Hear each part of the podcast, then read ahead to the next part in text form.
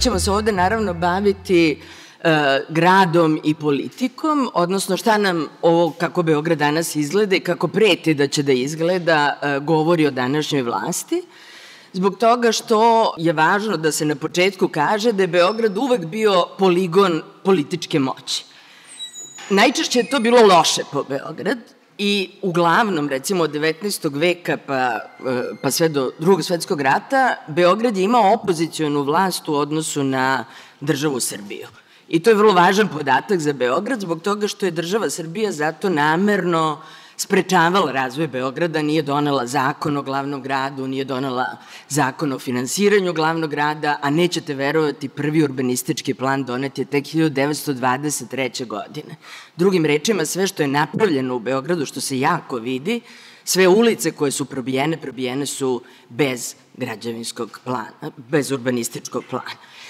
E, Tako da se na taj način moć pokazivala kočenjem razvoja Beograda, ali i onda kada je Beograd najviše napredovao, recimo u vreme Kraljevine 30. godina, ili posebno u vreme socijalizma kad je gospodin Bakić e, imao neke od e, najvažnijih zgrada u današnjem Beogradu i tada je Beograd bio ogledalo određene ideologije, tada je trebalo se pokaže recimo jugoslovenstvo, što je pokazao svojom knjigom Aleksandar Ignjatović, naš kolega, ili srpsko-vizantijski stil koji je podrazumevao određeni srpski imperializam ili naravno određene pretenzije o novom čoveku koji živi u novom gradu, u novom Beogradu. Znači, on je uvek slika politike i zato je moje prvo pitanje i prvo gospodinu Bakiću je o kakvoj nam politici govori današnji Beograd ili ono što će on možda biti, jer u stvari sad e, dosta nejasno kako to treba da izgleda, planove niko nije video, sve je raskopano. Gospodine Bakić, izvolite i hvala što ste došli. Danas znamo, vidimo i proživimo tu politiku koja je u stvari jedna pljačkaška privatizacija javnog prostora.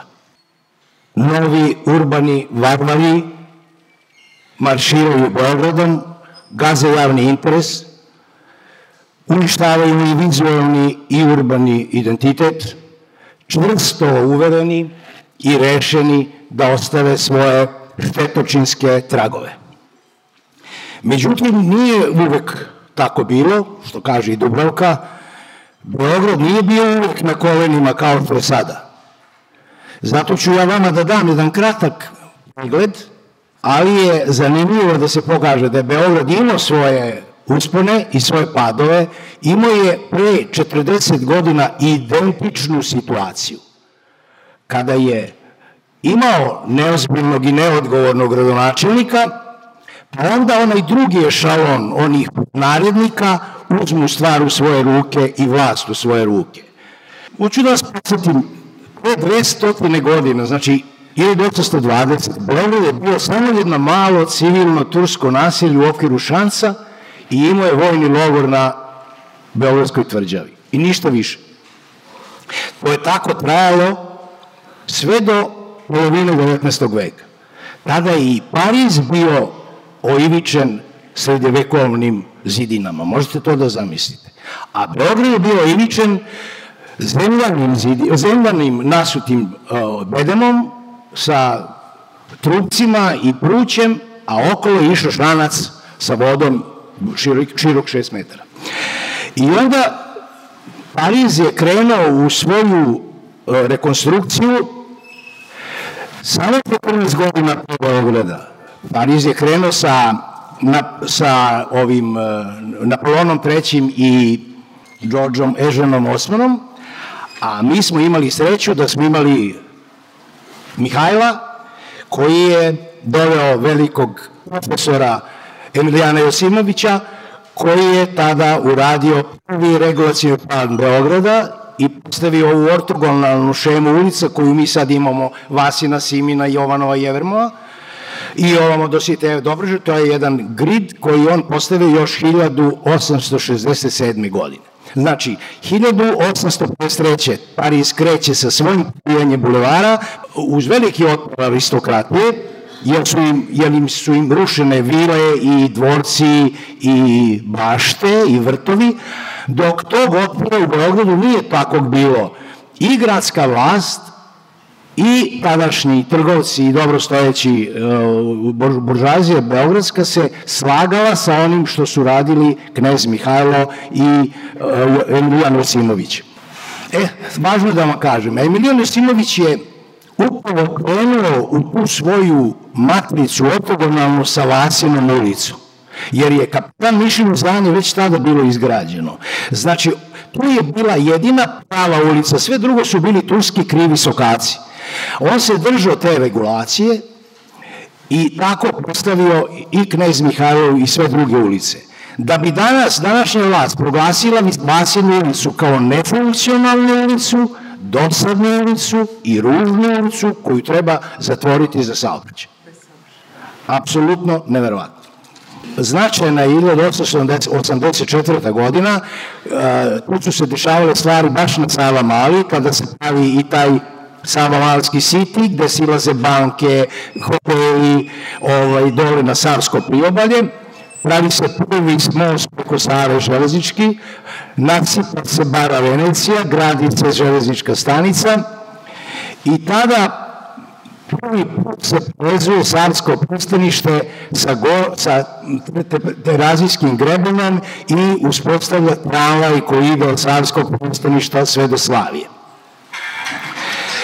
Period između dva rata je procvat gradske arhitekture i urbanizma i značajno je ovo što pomenula Dubravka, 23. se radi prvi generalno plan, ali poste međunarodni konkurs a već 27. ponovo međunarodni konkurs za prospekt i silazak sa terazijskog platoa na Savu. I taj konkurs dobio Nikola Dobrović. 34. se pušta Bankov most, koji je tada bio lančani, drumsko-tramvajski. 38. godine se prvi put pominje metro Pazite, 1838. Mi tada imamo tri, tri trase metroa koje su izašle štampane u gradskom glasniku. Jedna je e, kralja Aleksandra, Terazije Zemun, druga je išla Kalimegdan Slavija, autokomanda Voždovac i treća Topčider, glavna železnička stanica Dunav stanica. Mi imamo urađenu geologiju za metro, za, da strace. Oni sada izmišljaju neki pobudu, neka čuda, gde nema nikakve geologije, gde ne može pet godina da uradi geologiju. Tako da je to sve jedna, čela je predizborna kampanja. Vratit ću se na to. Da pređem malo na Titovo vreme. Da vidite koliko je to bilo između ostalog i pored sve diktature trezveno vreme. 50. godine se, se pravi novi generalni plan, i donosi odluka da se pravi Novi Beograd. 1970. je novi generalni plan koji predviđa izgradnju metro sistema za Beograd. Sformira se e, direkcija za metro koju vodi Brana Jovin i oni do 82. godine 10 godina rade projekte za metro. Pa 82. godine je zanimljiva, jer ona je ista, slična ovoj današnjoj zanimljivo da je bio gradonačih vrlo poznatni arhitekta. Pa se opet dogodilo da se zaustavi i baci sve što je rađeno za metro. Jedan ovakav narodnik, kakvog mi danas imamo, tada 82. se zvao Radoje Stefanović. Živi i dan danas. On je naložio Dani Jovinu da iskopa veliku rupu i sve što su radili 10 godina projekte da metru tu rupu i da zatrpa. On lično je otišao u Grenaš u ulicu, premerio tu ulicu koracima i rekao tramvaj. Idemo na tramvaj. Od tada je Beograd jedna palanka automobilsko-tramvajska. Ne, hoću da pomenem i Miloševića.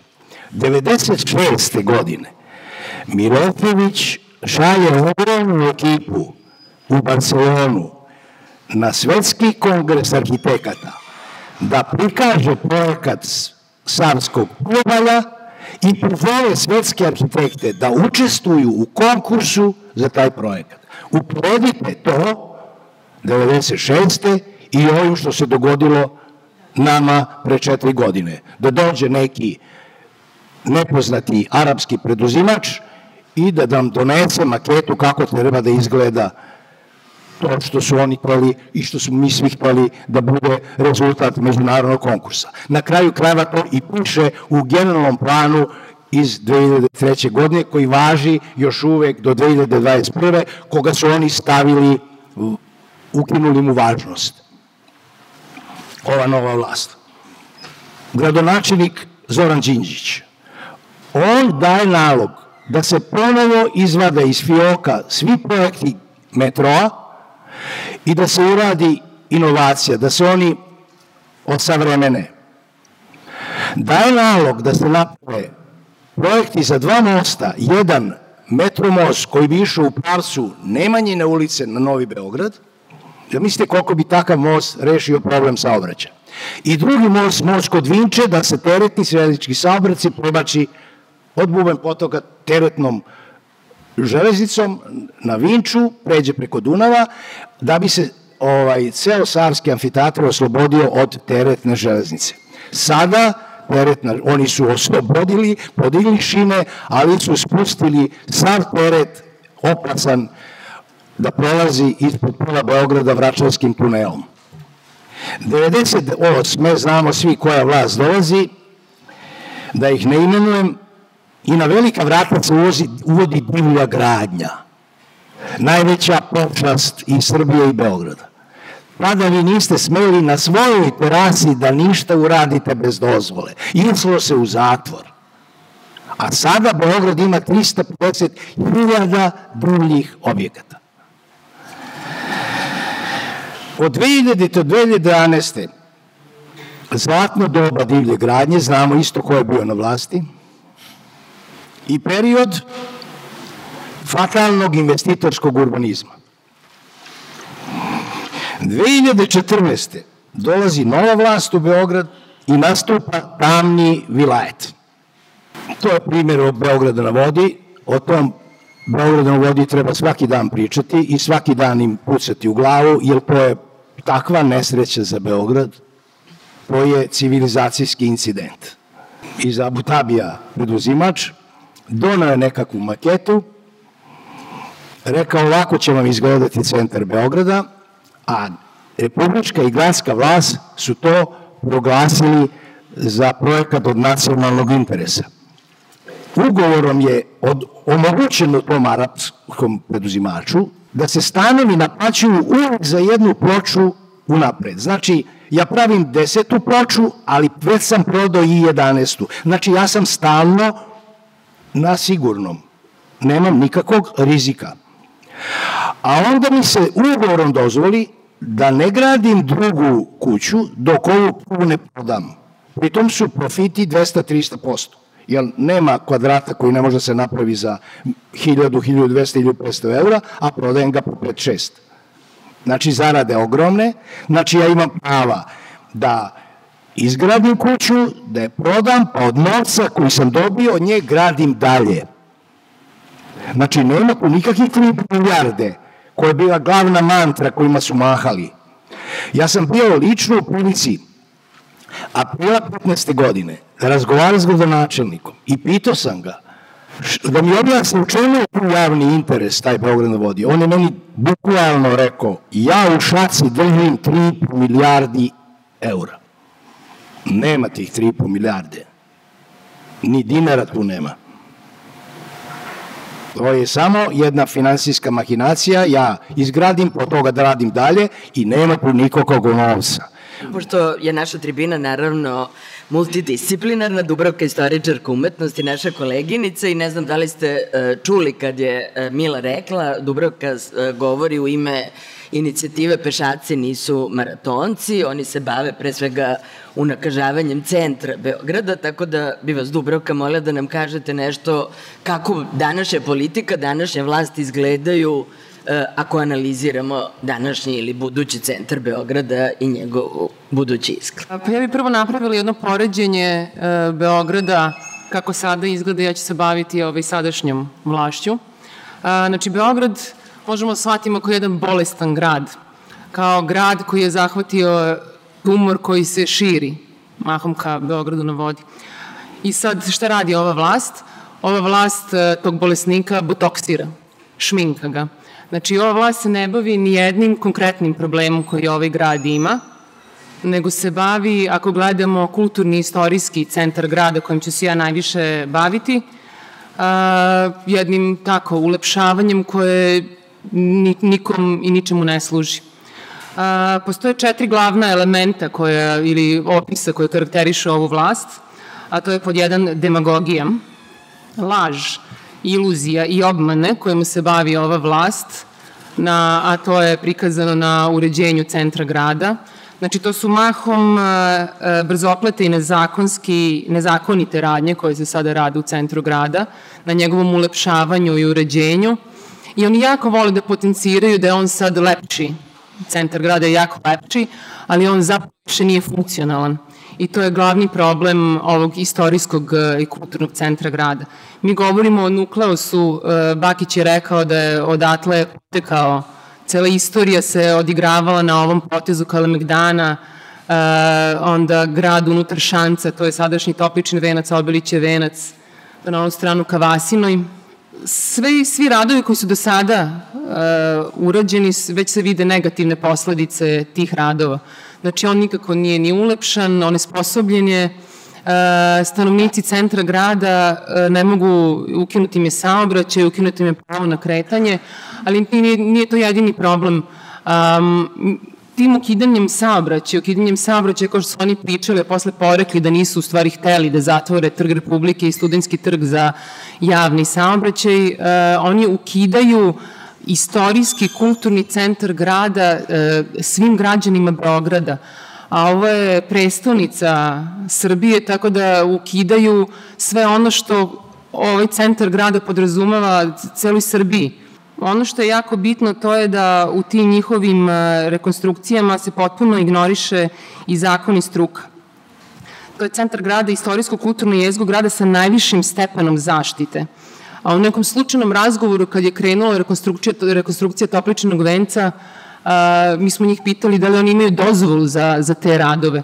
Jer po generalnom, generalnom urbanističkom planu oni prosto moraju da zadrže funkciju ulica. Ako je ulica namenjena za saobraćaj, da ostane na, u istoj a, funkciji. Oni a, na započete radove, oni su započeli sve radove bez građevinske dozvole. Njihova dozvola je bila odbijena. Znači oni su ušli u radove koji su potpuno protivzakoniti i već godinama tako rade. A koja je ovaj, poenta svega toga? Invest, investitorska gradnja, izmeštanje centra grada u novi centar grada koji se stvara, to je Beograd na, Beograd na vodi, što zvuči onako prilično sumanuto, mi već dve godine pričamo o tome, ali prosto onemogućavanje normalnog funkcionisanja istorijskog centra grada, zarad stvaranja nekog novog um, koji je dostupan, koji će biti atraktivan, koji tako ima ovaj, šetališta i sve uh, lepo, novi trg koji će biti najznačajniji, uh, a sve to na, uh, na štetu ovog istorijskog grada koji nam je, istorijskog centra grada koji nam je ostavljen u amanet. E sad, šta je ono što je meni najbitnije, to je bezobzirnost prema nacionalnim interesima, isto izmeštanje železničke stanice, isto ne, nezapamćeno nigde u, u, u svetu. U svim evropskim gradovima imate železničke stanice koje se nalaze u centru grada, koje prosto služe nekoj svrci u Rimu, Termini, Paris, Gardenoid. Znači, e, uništavanjem ovog centra grada, prosto onesposobljavanjem e, dolaska ljudi u centar grada, remećenje funkcija koje on ima je uništavanje čitavog jednog identiteta nacije, jer je to nukleus uh, grada i Srbije, dakle sve poteklo. Čak neke osobine ove vlasti koje se možda u početku nisu videle, bile su sasvim jasne sa Hercegovačkom ulicom, sa tim protivzakonitim uništavanjem imovine, bahatim uh, postupkom, uh, Kako sad dalje izgleda ovo što se dešava?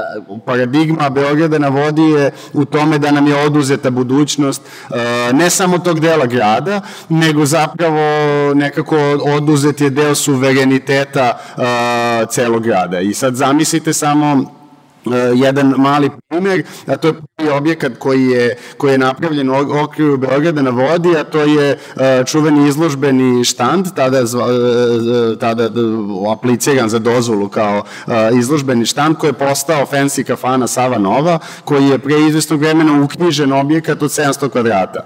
Znači, vi imate sada jednu jednu situaciju da se na tom području u stvari napravila e, jedna akumulacija kapitala koja je užasno povezana sa, sa, sa političkim elitama na vlasti, koje su po nekom mom skromnom mišljenju zapravo investitori u tom projektu i to ilustrujem jednim primjerom da e, su da je, da je predsednik sada Aleksandar Vučić tokom 2016. samo godine 2016. na 17. 13 puta bio na gradilištu Beograda na vodi. I to nam govori da je tu sad stvorena jedna akumulacija kapitala koja će u bilo kojoj promeni e, političke stvarnosti biti teško ugrožena. Ali ono što sam zapravo hteo ovde da, da, da, da postavim kao glavno pitanje je to kako se mi bavimo našim gradom. Mislim da hteo da krenemo od toga da rešimo uh, prvo situaciju u našem neposrednom okruženju, da rešimo tu zgradu, taj hodnik, tu zajedničku prostoriju koju je okupirao neko i da ne možemo da se susrećemo, da rešimo to ispred naše, uh, naše zgrade gde ono, zelenilo nije pokosilo, a nas malo mrzi, pa su se nakupili neke krpi, pa neko ostavio, ostavio veci šolju i onda je sve otišlo dođevola. Mislim da te stvari treba da prvo uredimo, jer će nas onda to osnažiti i dati nam uh, osjećaj da nešto možemo da promenimo. Treće stvari koja je voda, vazduh i zemlja. A to je da je Beograd prošle zime bio jedan od najzagađenijih gradova u, u, u svetu kako je moguće da mi 2019. nismo došli e, do, do, do zrelosti da, nas, e, da imamo vazduh koji nas ne ubija koji nam svakodnevno skraćuje život i da se mi na to ne obaziremo. Jedna tema o kojoj smo se dogovarali da pričamo je šta se u Beogradu ne radi. Upravo zbog toga što ova vlast stalno govori koliko radi, koliko kopa, koliko je metara ovoga, tona, onoga, miliona ovoga, trudeći se da ostavi utisak da je to neka neverovatan napredak, ukrašavanje, ulepšavanje i tako dalje. E, ono što mi znamo, a što ću pre svega vas sad zamoliti da mi kažete šta se sve ne radi, a što su stvarne potrebe građana. Nešto od toga ste vi već pomenuli. Dakle, šta je ono što stvarno čini modern grad, što uopšte nije ni u kakvom planu. Uopšte niko o svemu tome ne govori, počevši od te nesrećne kanalizacije, zbog koje Dobrica definitivno ne bi mogla da se kupa u Savi, jer se kanalizacija bez prerade direktno uh, sliva u Savu. Prema tome, E, e, jer ono što je važno da imamo na umu to je da su sve te intervencije u gradu uh, užasno trajne. I evo mi vidimo u današnjem Beogradu, najlepši delovi su ovo što je govorio gospodin Bakić, to je ovo što je radio Emilijan Joksimović 867. I jedan slučajni deo, deo od Beogradske ulice do Kalnić pijace koji je sredio jedan Englez, McKenzie, jer je kupio tu livadicu i napravio ovu rešetkastu konstrukciju ulice i sad imamo fino Krunsku i sve ulice koje seku. Dakle, to su dva, ako izuzmemo Novi Beograd, naravno, koji je planski grad, dva najuređenija dela ovog grada, gde u jednom slučaju Joksimović, u, dru, Josimović u drugom slučaju uh, McKenzie su napravili to. Znači, to su trajno ostali delovi. Svi ostali delovi i sve greške se vide dan danas. Samo se šetajte vračarom, najčešće ćete videti kako idete jednom ulicom koja onda negde nestaje i onda njen nastavak, ovako morate malo skrenete pa tamo nastavak te ulice, to zato što nije dobro izračunato gde će se te dve ulice naći, ali to je 890. godina, te posledice su i danas ovde. Dakle, užasno je važno pitanje šta se ne radi i šta ostaje kao trajna posledica te zapuštenosti Beograda, gospodine Bakiću. Nijedan kapitalni objekat ova vlast za sedam godina nije uradila. Obilaznica oko Beograda ne može da se završi za 25 godina. Magistralni prsten koji kreće tamo od onog mosta na Adi pa izlazi kod mosta na Adi Huj, nema mosta.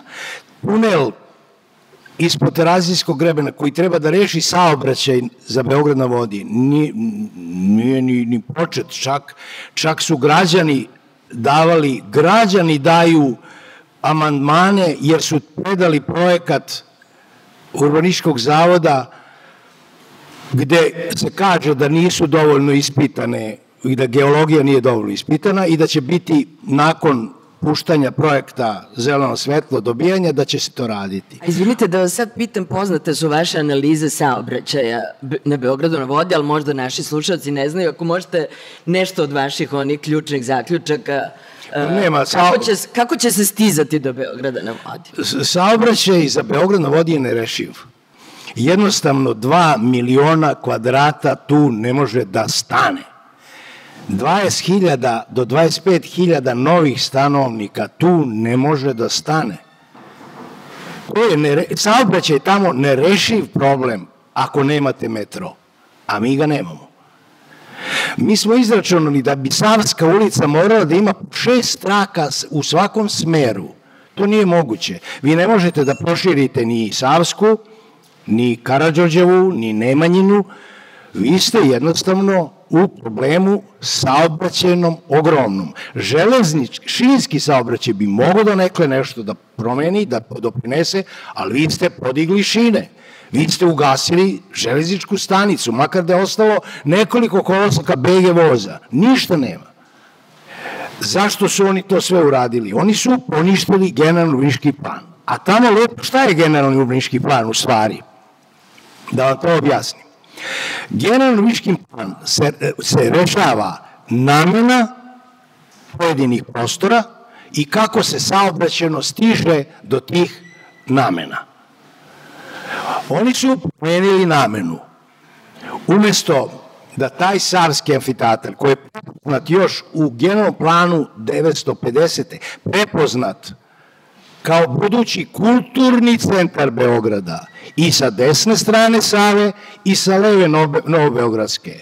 Da tu budu univerziteti, biblioteke, muzičke dvorane, sve ono što treba jednom jednoj metropoli kada Beograd za to bude imao novca. Ali ne znači da to ne može da se sačuva. Ono đubre o kome oni pričaju i pacovima i akrepima i vešticama koje su bile na tom mestu, to je i sačuvalo tu lokaciju. Jer bi se desilo isto što se desilo Savskom nasipu. Tu bi, tu bi bile divlje izgrađene njihove dače, mislim, viking kuće. Prema tome, to džubre sačuvalo tu lokaciju. To je čuvao i plan iz 1950. i plan iz 1972. Oni su došli, još nisu bili ni promovisani kao vlast, bili su privremena uprava. Tada su ukinuli odrednice generalnog bliškog plana. Generalni plan je rekao, stanovanje se razvija u pravcima Obrenovca, Grocke, ali tačno je odredio gde će se razvijati Beograd sa stanovanjem. Nikad stanovanje nije bilo predviđeno na tom mestu. Jer da biste vi 2 miliona kvadrata izgradili, vi morate po zakonu da imate na svaki 50 kvadrata jedno parking mesto. Znači, vi morate tu da smestite 40.000 parking mesta, što je nemoguća misija. A oni sada, pa što sad sa oni rade, zbog tog navodnog najvećeg shopping centra na Balkanu, oni su sada izbetonirali 350.000 kvadratnih metara garaža. Pored Save. To je takav zločin civilizacijski. Nije se građanstvo ni struka izborila da to spreči. Gde je struka? Vidimo vas, vidimo još nekoliko hrabrih ljudi, Struka je, nažalost, u mišoj rupi, pođimo od arhitektovskog fakulteta pa nadalje, sve što budžetske ustanove, oni ne smeju da zucnu. Šta ćete veći primer?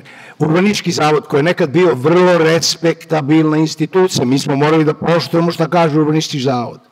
Mi nismo mogli da mrnemo bez parametrama koje, koje nam daje urbanički zavod. Sada, gradska i republička vlast naredi urbaničkom zavodu da meri maketu i da proizvede plan. I šta postane krpa od urbaničkog zavoda? Nema institucije. Ja, ja ne mogu da zaboravim sliku kad negde tamo u nekom kanu, na nekoj, nekoj sa, nekom sajmu ovih velikih investitora u nekretnine, stoji naš gradonačelnik i kaže – Novinari ga pite, on kaže, evo čekam da ovi naši partneri iz Abu Dabija donesu hotel, projekat hotela da vidimo kako izgleda i gde će da ga mete.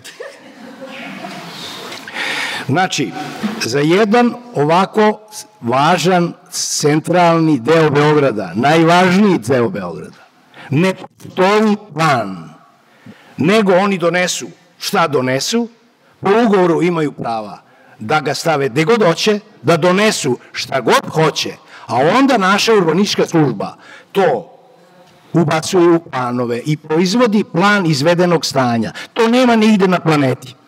Dubrovka, dosta ste bili sada angažovani ovo pre dva, tri dana. Je bilo zanimljivo s gondolom, to smo pratili. E, i sad potvrdite da li su tačne informacije do kojih sam došla, to je da bi gondola funkcionisala, potrebno je da se podigne zid u visini 45 metara od Karadžorđeve ulice u vis, stup.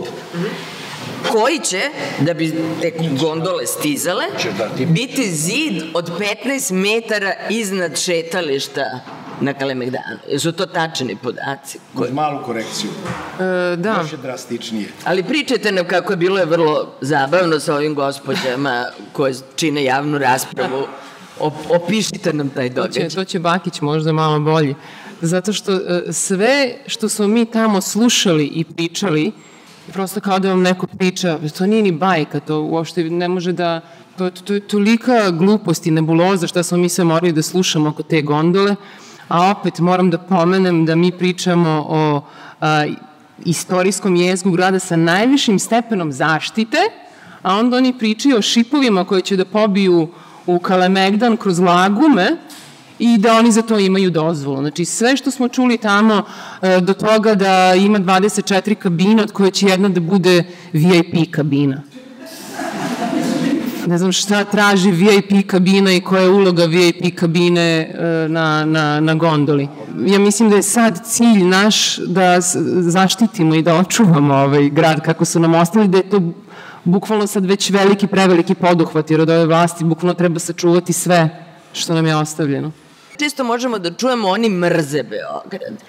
I to je nešto oko čega uh, se, se mnogi slažu i to je nešto što, evo, opet da se pozovemo i na ova starija vremena, pokazuju i ta istraživanje 19. veka i 20. veka da je postoji uvek taj animozitet i vi uvek možete da čujete a, taj krug dvojke, a ta ova Srbija, prva Srbija, druga Srbija, e, sve se to sedi po kafićama. Znači, postoji taj jedan e, društveni otpor prema uh, E, nečem što se doživljava da je beogradska elita I da li možemo to e, tako da zaključimo? Evo, hteli ste još nešto kažete o stvarima koje Beograd ne dobija, za razliku od ove većine stvari koje, nažalost, dobija. Beograd apsolutno nema, ne može da se nazove, malte ne mu treba oduzeti status glavnog grada. Glavni parametri za razvoj jednog grada je infrastruktura, a u infrastrukturi glavni je saobraćaj. A Beograd to nema rešeno. Beograd nema rešen saobraćaj. I to smo videli šta oni rade i kako su prošle i Dečanska ulica, i Brankova, i Pupukina kada su zatvorili centar grada. Tri sata se putuje na posao i sa posla. To su ti loši đaci koji ostvaruju svoju viziju. A šta sve nedostaje? Pomenuo sam obilaznicu. Nema kanalizacije. Beograd je za 40 godina uradio polovinu svoje kanalizacije. 126 otvorenih cevi se izliva u Savu i 136 otvorenih cevi se izliva u Dunav. Građani moraju trezveno da se odupru destrukciji ili građanskom neposlušnošću ili kad dođe taj mart i april pa se izađe na izbore pa onda ko ostane kući on je saučesnik sa njima. Jer ko ćuti? Intelektualci nemaju prava da ćute. Kada im se dešava ovo što se dešava? Oni su saučesnici ako ćute. Šta još nemamo? Mi ne recikliramo otpad. Mi ne odvajamo komunalni otpad Isto koliko imamo komunalnog otpada, mi imamo građevinskog otpada. Ko je kontaminirani otpad, koji ima i olovo, i aditive, i čuda. Mi sa tim takvim građevinskim otpadom zatrpavamo komunalni otpad, što je strogo zabranjeno. Iako nismo članovi Evropske unije, Mi smo obavezni danas da 75% građevinskog otpada recikliramo. Mi ne recikliramo, mi recikliramo 0%. Mi zalivamo Beogradske ulice pijaćom vodom, mi nemamo tehničku vodu. Kad krene Beograd vodi, mi nećemo imati dovoljno vode. Da vas posljedim, mi smo svi poreski obveznici, tako da mi u centru grada kada plaćamo naše porezite, kako treba da nas pitaju šta je to što nama treba i što nama fali. Isto kao što su poreski obveznici, uvek se okreće tako nekako ka centru grada, kao da je Beograd samo centar, centar grada. Znači, periferija grada, Banjica, Novi Beograd, Zemun, oni uopšte nisu dužni da plaćaju porez i da plaćaju nama poučavanje centra grada koje nikome ne treba, koje je potpuno nefunkcionalno i obesmišljava sve. Tako da e, mislim da građani treba da malo preuzmu inicijativu na sebe i da dignu glas, jer mi kad smo pričali sa nekim tako ljudima koji rade u Ministarstvu infrastrukture, oni su rekli ako budemo bili dovoljno glasni, da ćemo moći da sprečimo neke štetne projekte, tako da, eto, ja pozivam odavde da svi budemo malo glasniji, možda uspemo da se izborimo za neki bolji Beograd.